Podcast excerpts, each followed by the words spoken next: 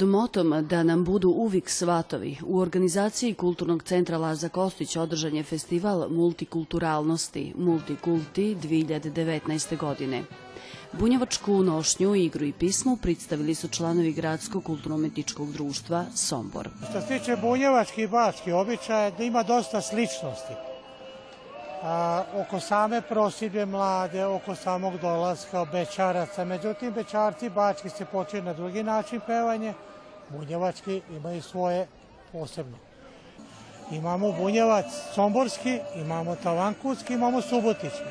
Svaki ima svoju karakteristiku i svoju lepotu i draž. E, imaju drugčije i običaje kod prosibe, kako se dolazi kod Subočana po mladu, kako kod Somboraca. Sombor, Talankut je slično.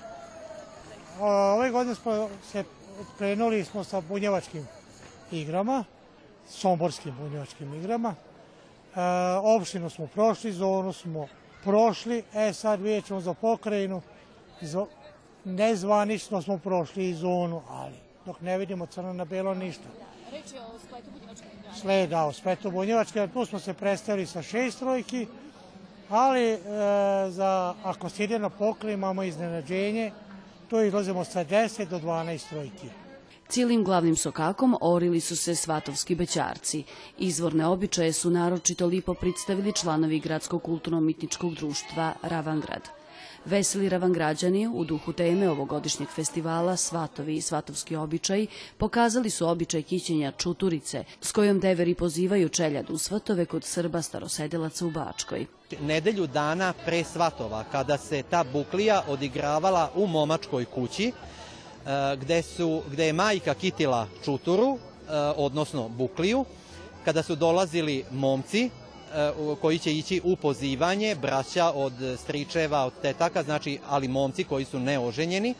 Dolazile su drugarice i sestre od mladoženje budućeg, pevajući koje su plele venčiće, zakićavale momcima šešire, a oni su za tu uslugu plaćali. Tradicionalne mađarske igre, pismu i narodnu nošnju prikazali su višti folkloraši i duvački orkestar iz Doroslova. Ponosni smo na svoju narodnu nošnju, koju volimo da nosimo. Istina je da nas je danas došlo malo, ali tu smo da predstavimo svoju tradiciju. Jednu od mlađih manifestacija, popularni Multikulti 2019. po treći put zaredom organizuje Kulturni centar Laza Kostić. Da je ideja ovog festivala neko održavanje tradicije, negovanje, prenošenja na našu decu. Sombor je jedna multikulturalna sredina, to je neka polazna stanica bila za pokretanje našeg festivala. Manifestacija je obogađena prigodnim pridavanjima na temu svatovske običaja, a učešće u festivalu uzelo je priko 300 članova kulturno umetničkih društava i Somborske opštine.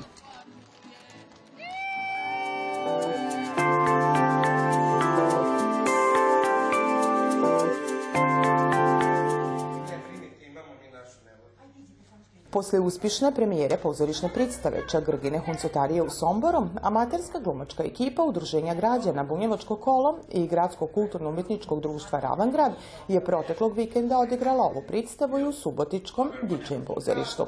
Kako divane iz ova dva udruženja, ideja o ponovnom postavljanju ovog komada na bunjevačkom jeziku postoji već niko vrime.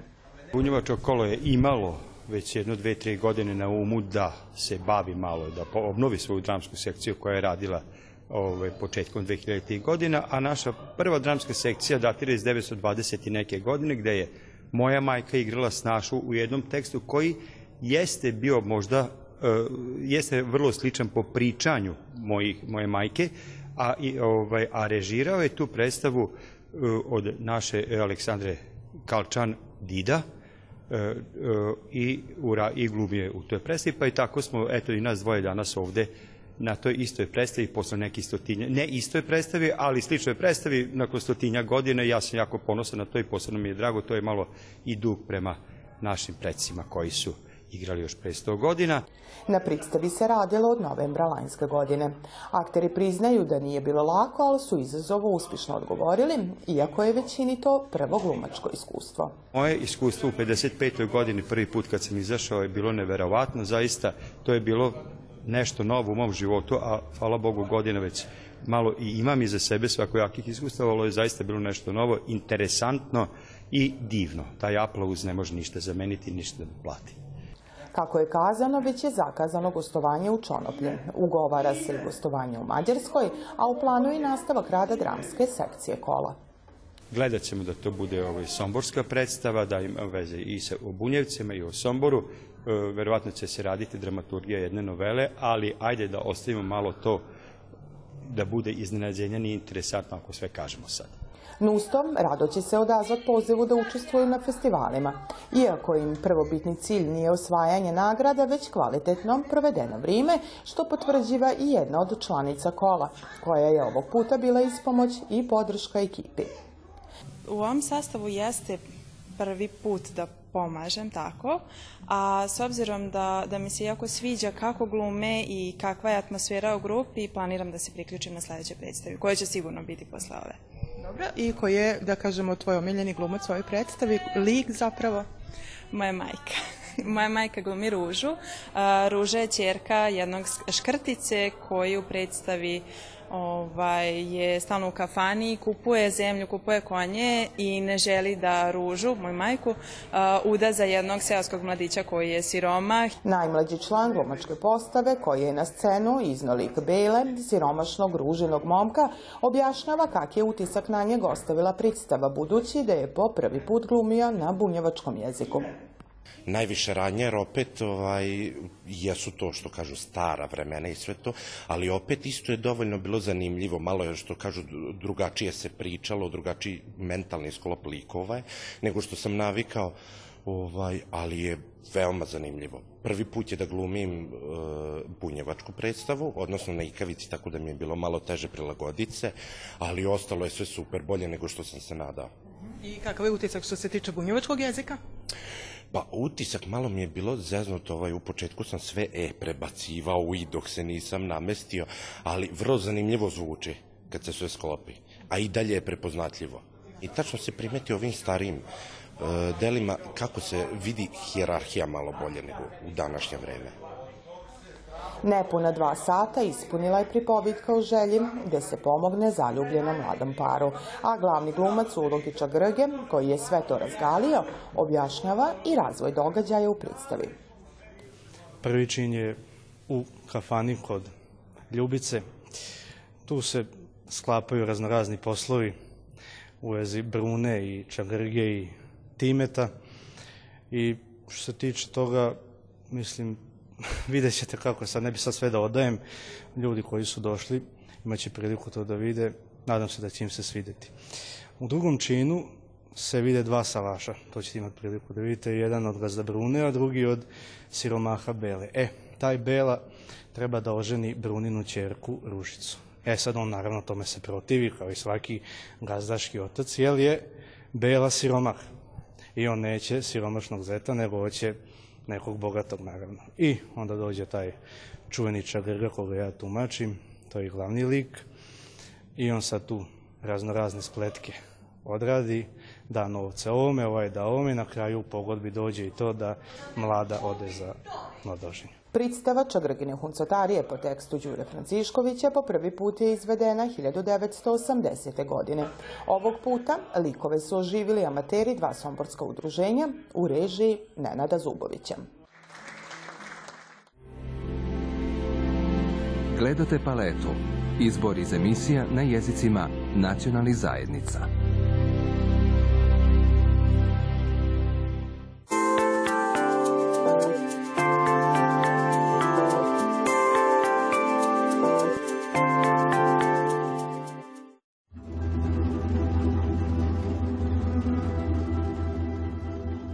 God sastavni dio svakodnevne odiće, čak i obavezan, danas brižljivo čuvaju kolekcionari bunjevačke tradicije. Od svečani, radni do običajni, oglavlja danas predstavljaje i dio bogate kulturne baštine bunjevaca. Privatna kolekcija familije Kuntić, koja broji oko 300 eksponata, omogućila je izbor za muzejsku etno postavku, koja oslikava svu lipotu ovog dijela bunjevačke nošnje. Najveći dio izloženi oglavlja pripada grupi ženskim marama. Ima je dosta i zapisano, a moram kazati još i dosta uh, pamte generacije naše, posebno ajde moja mama, ja već maramu nisam nosila, moja mama je nosila, znači to je jedna generacija stariji. Pa ono što se zna da su bunjevke, dok su bile cure, nisu bile obavezne nositi marame, a uglavnom su bile ovaj, gologlave, jedino kad je bilo zdravo zima, što je bilo normalno, nisu imali druga oglavlja, ni se drugo nosilo. Šta je ono što je bilo, što kaže kod nas, što je ostalo u tradiciji. Znači, žen, cura kad se uda, kad, kad svatovi su i kad dođe ponoć i kad ona prisvuče ono vinčarno ruvo, ona tog momenta meće kapicu na glavu i poveziva maramu. Kažu tako da ona nikad nije skidala maramu, ako bi neko strani bio u kući, možda samo pred svojim najbližima je maramu skidala, inače uvijek nosila maramu. No uz marame izložene su i kapice, koje su zbog svoje kroja i namine bile izuzetno praktične. Uglavnom kapice, pogotovo starije žene, oni su više volila zato što ona je, to su tanje kapice od tanjeg materijala, da li to cica, ali već od nekog materijala, onda je ona kapicu metila i maramu je lakše vezala i lakše je držala, posebno zimi. A, starije žene, ja, ja se sjećam moje majke da je uvijek imala kapicu ispod, a ovaj, kapice od lionske svile to su nosile cure e, ili od bilo koje svile. Znači te svečane kapice nisu nosile žene. To su nosile cure koji su, eto, os, smisli su doće da ima lipu kapicu pa je umjesto lipe konđe metila kapicu. A one obične kapice, znači koje su se povezivale, mećale pod maramu, to su bile od platna, od cica, već od čega su se pravile.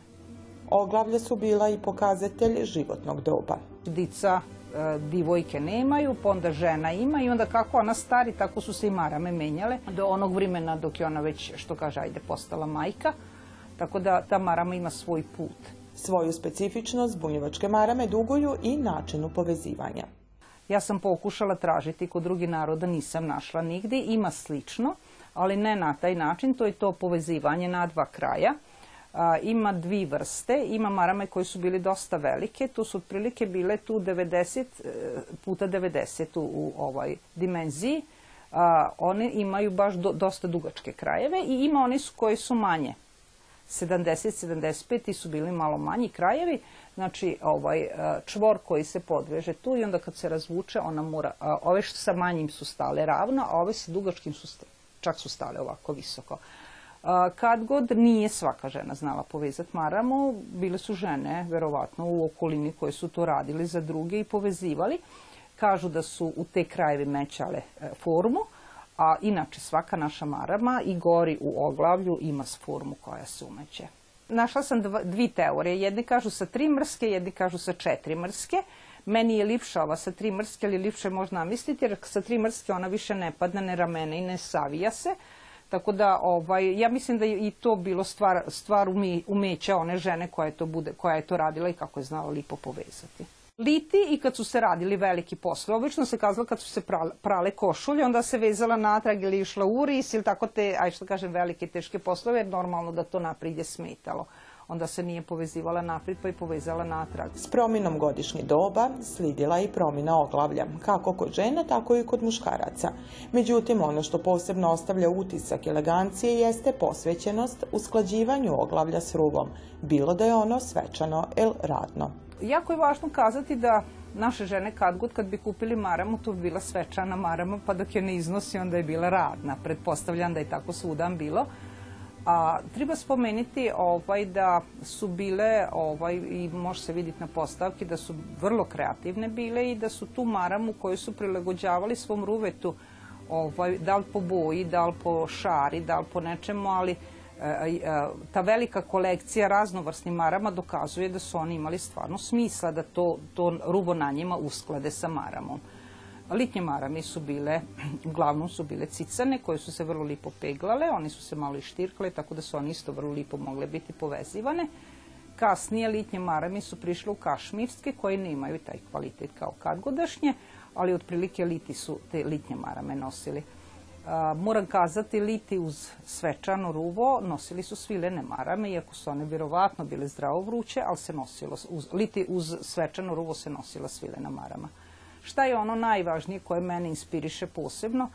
To je ta, o, te naše marame kolekcija od lionske svile a, sa šarenim granama, lionske svile jednobojne, to, to je fantazija, to je paleta boja kakvih je bilo jedna lipša od drugi i one marame koje su bile sa zlatom rađene, to su vrlo kvalitetne lipe. Ima još to god malo sačivom, nema puno, ali može se pronaći. Iako nisu toliko brojna, muška oglavlja također plene svojim kvalitetom i stilom. Ja moram kazati da je to jako važno, zavisnosti od staleža. Znači, svakako, ko je mogao više sebi e, doprineti, taj je kupio kvalitetniji da li je bio od zečije dlake ili ne znam čega, ili je bio od e, jednostavan najjednostavniji. E, svakako je šešir bio vrlo važan i mislim da su vrlo brzo, čim su se, oni, čim su se bunjevci prilagodili na ove prostore Bačke, čim su počeli nositi ovu narodnu nošnju koja je sad naša tradicionalna, uz to je moralo ići, uz to je morao ići šešir. Zimi, zimi su obično nosili šubare. I dok se danas mogu vidjeti samo u ovakim i sličnim postavkama, i rojtoške marame su kad god bile sastavni dio odiće. Izložena su dva, tri primjerka male marame, znači isto je rojtoška, ali je maram, mala marama na glavu, što znači da su u to vrijeme oni ipak i glavu štitili zimi sa tim malim maramama, dok ta velika rojtoška marama koja se koristila obično na leđa, pretpostavljam tribalo ići kolima iz Bajmoka do Tavankuta, onda su mećali marame pa su ovaj, štitile glavu od tog. Nezaobilazni i najpripoznatljiviji dio bunjevački običajni oglavlje jeste kraljička kapa El Kruna. Ona je kod taka jedinstvena, sa naših prostora, ima ih, ajde kažem ima i u Hrvatskoj, ima i u Srbiji, ima i na više prostora, ali mislim da je ova naša jedinstvena po običaju i po načinu kako se ona nosi, tradicionalna je i sačuvana je kod našeg naroda, kažu da je još iz paganskih vremena, tako da se mora spomenuti. Pored tog mi imamo ta druga neka oglavlja kao što je vrlo ovaj, jedinstven vinac za mladu koji ima posebnu, posebnog je oblika, on samo nije vinac na glavu nego se spušta doli, što je vrlo važan. Onda imamo i oglavlja vezano za priskakanje vatre na Svetog Ivana Cvitnjaka i tako. Ima još dosta tih običajnih, ali mislimo ti svije kraljica je najvažnija. Na kraju, važno je spomenuti činjenicu da je nabavka materijala najviše bila vezana za Francusku, posebno za Lyon, ali i za ostale industrijske centre evropskih zemalja onog vremena, Austriju, Nemačku, Italiju, Tursku. Nije to bilo određeno od kalige, nego je samo važno da stil, stil same marame je toliko jedinstven da se on u suštini ne poklapa sa drugim narodima sa kojima smo živjeli. Upravo iz tog razloga prošlog mjeseca je na sedmoj panel konferenciji pod nazivom Usmeno narodno blago, običaji i tradicija Bačke bunjevaca inicirana i tema za upis elemenata u nacionalni registar nematerijalnog kulturnog nasljeđa Republike Srbije, odnosno pridlog za upis na reprezentativnu listu nematerijalnog kulturnog nasljeđa čovječanstva UNESCO, a tiče se upravo oglavlja kodila narodne nošnje Bačke bunjevaca, ali i njevog čuvanja i održavanja.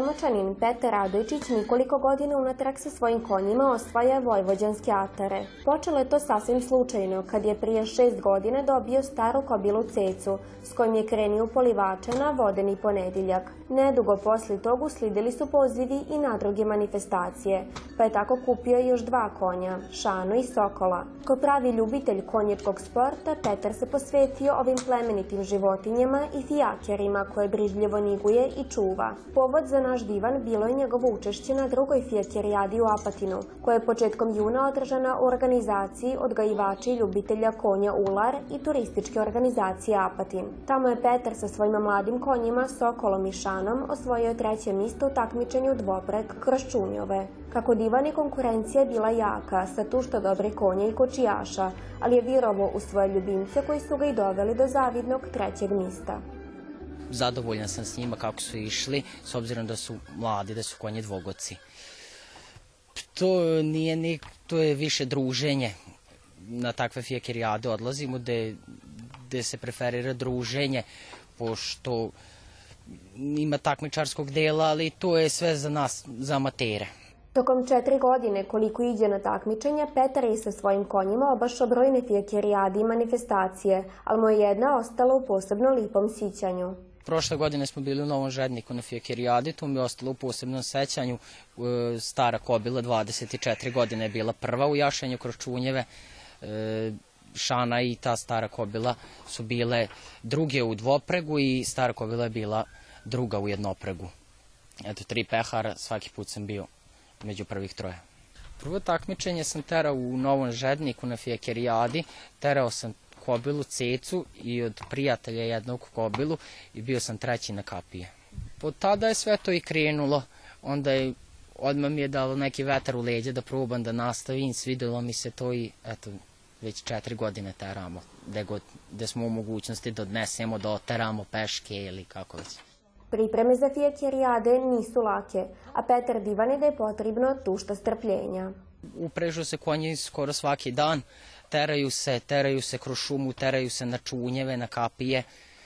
I eto, bitno je što više uprezanje, što više teranja, da bi se konje bolje slagali. Manje više kada teramo samo revije, nema tu puno pripreme, to su bitno je da su konje čisti, da je fijaker čist, sve da je čisto, sređeno i onda to je najbitnije. A već kad treniramo za kapije, kad teramo kapije, onda i traju malo pripreme za to. S kobilom cecom koji ima četvrt vika pokazuje šta zna. Međutim, i dvogoci s orana ne izostaju traka. je velika razlika u pripremi i tiranju stari i mladi konja. Mladi konji, ako odmore 3, 4, 5 dana, onda dolazi do nekih njihovih bubica samih, kao kod malog deteta. Kad ga pustite, on napravi cirkus, tako i oni isto. Kad ga pustite malo da odmori, da, da počne da razmišlja, odmah je problem s njime. Jedan dan idu lepo, drugi dan ne idu i onda je to muka svaki dan nova s njima. Da li onda lakše kontrolisati starije konje? Pa lakše kontrolisati starije konja koji je već išao, koji je naučen. Naprimjer, ta kobila, ja mogu i dan danas da se pohvalim s njom, ona jeste kobila 25 godina, ali ja i dan danas sam prezadovoljan s njom. Svoje konje Petar je dostat tira u Bačko gradište, Čurog, Ostojićeva, Suboticu, a do kraja godine slidi još tušta manifestacije gdje će pokazati svoje zavidne veštine. A put u Apatine novogodišnju fijekirijadu prošle pišce sa svojim konjima, 55 km u jednom pravcu. Čekuje nas sad Sombor, defile na Somborskom hipodromu, očekuje nas e, Žednik, fijekirijada i tako, Dužjance, risovi, to ćemo probati da ispratimo, da isteramo sve. Petar objašnjava da ima dva fijakire i čeze koji sonce. Kako kaže, važno je redovno tirat konje napolje, u prirodu, jer su to životinje koje su navikle na slobodu. Ne vidim sebe u tome da, da držim konja u štali i da stoji konj u štali. Ako ih već imam, kupio sam i taj fijaker. Fijaker je došao iz Turije. I sad bitno mi je da i ja da se pokažem i s tim konjima i da upregnem da, da, da se nešto dešava. Peter je sasvim zadovoljan sa svoja tri konja. Ne planira uzimat nove, jer kako kaže, skupa je to investicija koja se uglavnom ne isplati.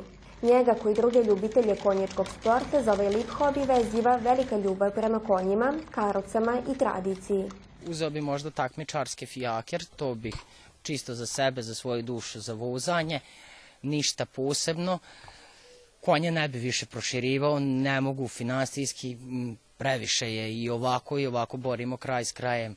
Ja nemam ništa od toga, to je samo ulaganje u to.